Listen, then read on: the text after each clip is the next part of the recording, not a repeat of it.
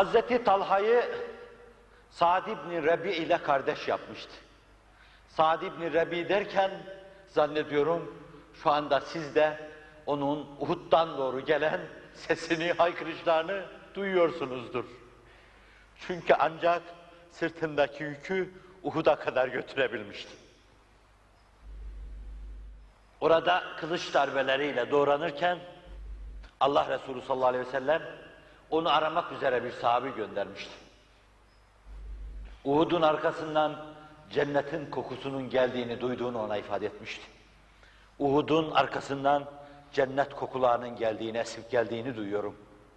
Allah Resuluna selam söyle, şöyle de diyor, kavmime de selam söyle, gözleri açılıp kapandığı sürece Resul-i Ekrem'e kıl kadar zarar gelirse, şöyle olsun böyle olsun diyordu.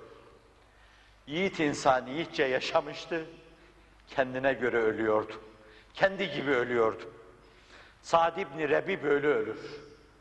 İşte Hazreti Talha buna misafir, buna kardeş düşmüştü. Talha anlatıyor. Diyor ki iki zevcesi vardı. Bir gün beni evinin bir köşesinde misafir ediyor. Elimden tuttu, beni kendinin kaldığı hücreye götürdü. İki hanımefendi oturuyordu orada.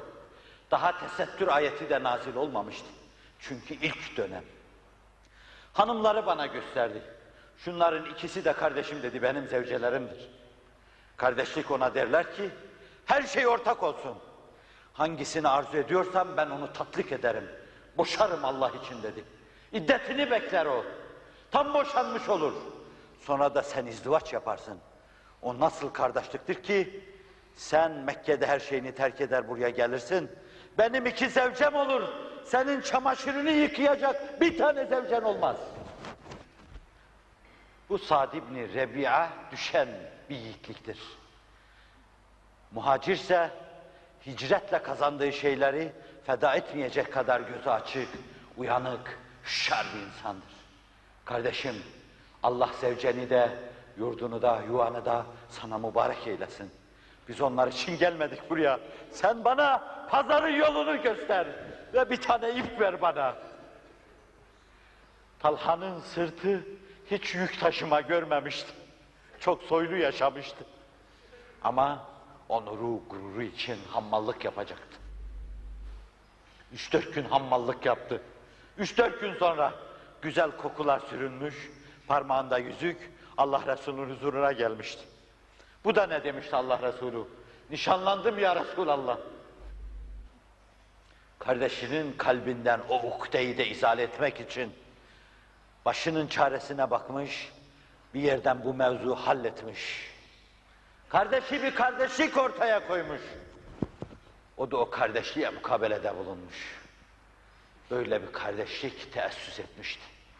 وَلَا يَجِدُونَ ف۪ي صُدُورِهِمْ حَاجَةً وَيُؤْثِرُونَ عَلَى أَنْفُسِهِمْ وَلَوْ كَانَ بِهِمْ خَصَاصَةٌ وَمَنْ يُوقَ شُحَّ نَفْسِهِ فَاُولَٰئِكَ هُمُ الْمُفْلِحُونَ Sadakallahul azim. Kendileri sıkıntı içinde, darlık içinde bulunsalar dahi kardeşlerini nefislerine tercih edecek kadar civan mertliğe yelken açmış, yüreği pek, iradeleri sağlam, kardeşliği açılmış mükemmel bir cemaattir. Allah'ın inayet ve keremiyle Resul-i Ekrem'in sallallahu aleyhi ve sellem tesis buyurduğu bu kardeşlik çok kısa zaman sonra yine Rabbimin inayetiyle dünyayı dize getirecek ve dünya devletler arasında muvazeneye yepyeni bir devlet girecektir. Dilerim Rabbim aynı şeyleri size de yaptırsın. Teessüs etmeye başlamış şu kardeşliği arızalardan koruyarak size de aynı şeyleri gördürsün. Aziz kardeşlerim, iman, Allah'a iman etmişsek, bu bizim bir araya gelmemizi ve kardeşliğimizi iktiza ediyor. Bu kardeşlik, bizim dünyaya ait meselelerimizi çözmede önemli rol oynayacağı gibi aynı zamanda ahiret hesabına da kurtulmamız için en büyük vesilelerden, esaslardan birisidir. Rabbimin inayet ve keremiyle. Zira Allah'ın cemaati olan inayeti çok farklıdır. Ferden ferda, her bir yerleriniz Hasan Şazeli olsanız, Ahmet Bedevi olsanız, açıktan açığa Allah Resulü'yle sık sık mülakat temin eden insanlar, Şah-ı Geylani olsanız, yerde durup Cenab-ı Hakk'ın arşını müşahede etseniz, hameleyi arşı görseniz, Allah'ın size lütfu hususi mahiyette, ferde olan lütufları şeklinde olacaktır. Ama cemaate Allah'ın öyle hususi bir lütfu vardır ki, fertler ferdi ferit dahi olsalar, büyük veli dahi olsalar, kutbu aktap dahi olsalar, Gavs-ı Azam dahi olsalar, Allah'ın cemaati olan lütfunu elde edemezler. Zira Allah, yadullahi fevka eydihim buyuruyor. Allah'ın eli, o sıkışan ellerin üzerindedir. Biat eden, birliğe söz veren ellerin üzerindedir. Yani Efendimiz sallallahu aleyhi ve selleme ve o beyatür ridvanda Allah Resulü'ne biat edenlere diyor ki siz ellerinizi Resul-i Ekrem'in elinin üzerine koyuyorsunuz. Biat ediyorsunuz. Bir birleşme sergiliyorsunuz. Bir vahdet, bir kardeşlik sergiliyorsunuz. Bu çok ucuz şey değildir. Unutmayın diyor. Eliniz Allah Resulü'nün eli üzerindeyse üçüncü el bir teş- teşbihtir bu, bir temsildir. Üçüncü el Allah'ın elidir ve Allah'ın eli cemaatin eli üzerindedir. Yadullahi fevka eydihim ve Allah Resulü yadullahi ma'al cemaat Allah'ın inayeti, Allah'ın kudreti, Allah'ın tasarrufu cemaatle beraberdir. Siz tek başınıza uçsanız dahi, deniz derya geçseniz dahi, cennetlere ulaşsanız dahi, cemaatle elde edilen şeyin aşırı mişarını elde edemezsiniz.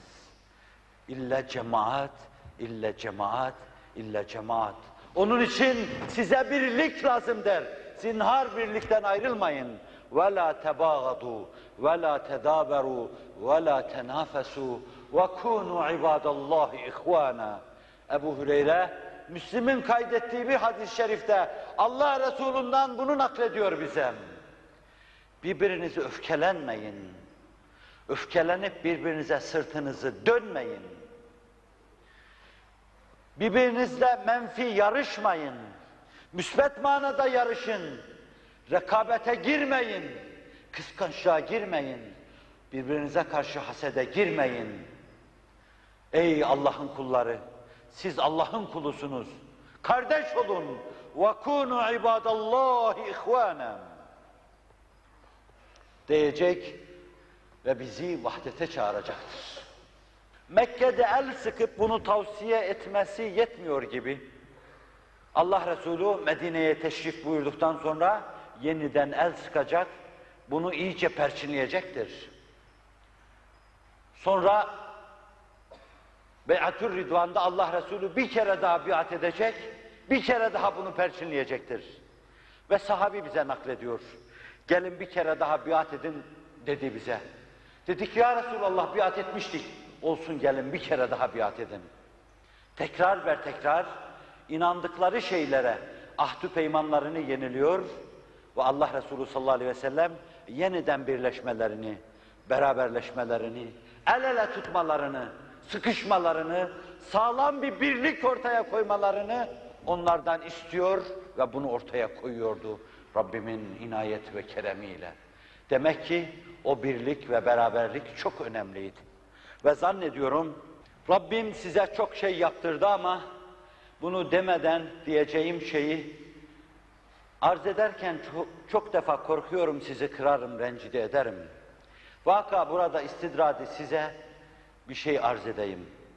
Ben haddi zatında size konuştuğum şeyleri çok yumuşak konuştuğumdan dolayı çok ciddi bir ihtar almış ve bundan dolayı içimdeki burkuntuyu şu ana kadar aşamamış bir insanım.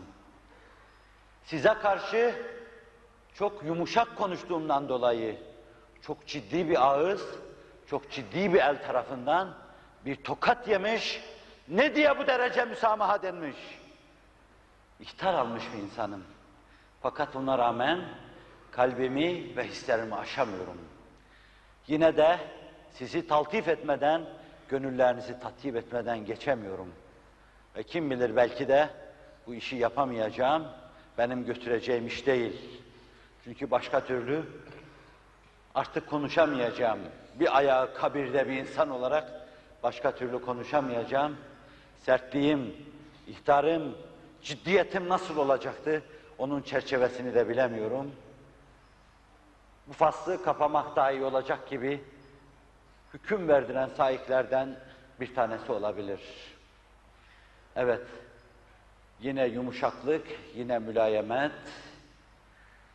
ve ben istidradi dolayısıyla bu hususu size arz ettim. Belki siz o kardeşliği inşallah ortaya koyuyorsunuz. Ama içimde bir şey var. Acaba sahabe-i kiramın o birinci asırda temsil ettikleri gibi içimizde hiç gırlıkış olmadan, birbirimize karşı hiç rahatsızlık olmadan öyle bir kardeşlik temin ve tesis etmiş sayılır mıyız? İşte şu soruyu size tevcih ediyorum. Bu soruya ben evet desem de fakat vicdanen çok rahat değilim.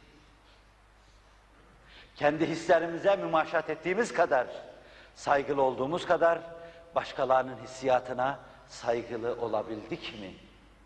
İşte ben bunları soru olarak size tevcih ederken size karşı olan hüsnü zannımdan ötürü evet bu kardeşlerim bu mevzuda hislerini çok sağlam ayarlayabilmişlerdir desem dahi vicdanımda aşamadığım uçurumlar olduğunu hissediyorum. Eğer ben bu kadarcıklı olsun suyu zannediyorsam Allah'ın sizin üzerinizde olan nimete aşkına beni bağışlayın. Yok eğer benimki suizan değil, vakinin ve doğrunun ifadesiyle ben bu defa size şöyle diyeyim, bahtınıza düştüm, elinizi ayağınızı öpeyim. Bu kadarcık zilletten sonra ne olur Allah aşkına, ne olur Allah aşkına gıybet etmeyiniz, suizanda bulunmayınız, kimsenin aleyhinde konuşmayınız. Yarın kelimeyle dahi olsa kimseyi çekiştirmeyiniz. Allah aşkına çekiştirmeyiniz. Rahatsız bir kalbiniz varsa kalbiniz hasta demektir. Ada adaike nefsükelleti beyne cembeyk. Senin en can alıcı, canavar hasmın senin nefsindir. Nefsine karşı muhabbet besliyor. Bir kısım küçük kusurlarından dolayı müminleri tanı teşri edebilecek vesileler bulabiliyorsan senin bakışların miyop, kalbinde de yara var demektir. Allah yarana derman, derman ihsan eylesin. O eğri bakışlara da istikamet versin. Menfaati maddiye gibi nefsin hoşuna gidecek şeylerde dahi mümin kardeşini kendi nefsine tercih edeceksin. Sen ilklerden bu dersi almıştın. Unutma sen ikincisin. Birinci dirilişi onlar temin edip gitmişlerdi. Alemi İslam yeniden diriliyor. Bu dirilişi sen temin edeceksin. Allah'ın inayet ve keremiyle. Bu büyük davayı zayıf insanlar götüremez. Kardeşini maddeten ve manen her meselede nefsine tercih edeceksin. Hatta füyüzat hislerinde bile, hatta cennette bile. Cennetin kapıları ardına kadar açılsa, o sabah akşam benim yedi defa Allah'ım beni cennete koy diye arzu ettiğim cennet. Bir bakıma Allah'ın rızası istikametinde gaye kadar büyük bir mesele olarak takip edilen cennet. O cennetin kapıları da ardına kadar açılsa, mümin kardeşle yan yana gelsek, benim girmem onun girmesini muvakkaten engelliyorsa, buyur sen gir diyecek kadar hasbilik. Bize bunu öğrettiler. Bilmiyorum karşıda bir yangın var. İçinde evladım imanım tutuşmuş yanıyor. O yangını söndürmeye, çocuğumu kurtarmaya koşarken biri bana dalaşmış, ayağım ona dokunmuş ve düşmüşüm. O korkunç hadise karşısında bu küçük meselenin ne ehemmiyeti var? Rica ederim ne ehemmiyeti var? Sizin meseleniz o kadar büyüktür. Vallahi büyüktür. Billahi büyüktür. Tallahi büyüktür. Aşacaksınız bunu. Aşacak. Hasımlarınızda dahi bir diyalog yolu, yolu bulup anlaşacak, uzlaşacaksınız. Hele dostlarınız, hele dostlarınız. Maddi manevi her meselede o kardeşlerinizi nefsinize tercih edeceksiniz. Ben bir noktadan girmiştim buraya. Kardeşlerim bana diyorlardı ki, biz nasıl o iyi seviyede teessüs etmiş kardeşliği yeniden sergileyeceğiz? Bunun senaryosu nasıl olur? Sahnesi nasıl olur bu meselenin? Hangi şartlar altında teessüs eder? Allah bir şeyi vermeyi murat buyurmasaydı istemeyi vermezdi. Ben senelerden beri hep onu istedim. Bir kere daha bize muhacir ve ansar fırsatı doğar mı dedim. Siz de öyle dediniz. E açın bağrınızı. Şimdi Diyar Türkistan'dan sizin ülkenize habire misafir geliyor. Bir muhacir gibi onları bağırlarınıza basın. Siz de gittiğiniz zaman onlar bağırlarına basacak. Yeni bir dantele örelim. Ağlayan Resul'ün ağlamalarını dindirelim.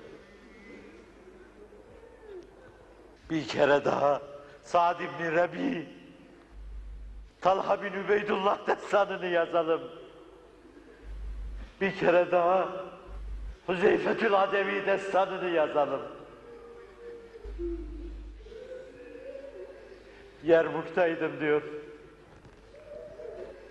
Amcamın oğlu şehit düşmüştü diyor. Mataramda bir iki yudum su vardı diyor. Amcamın oğlu dedim sahneye daldım diyor.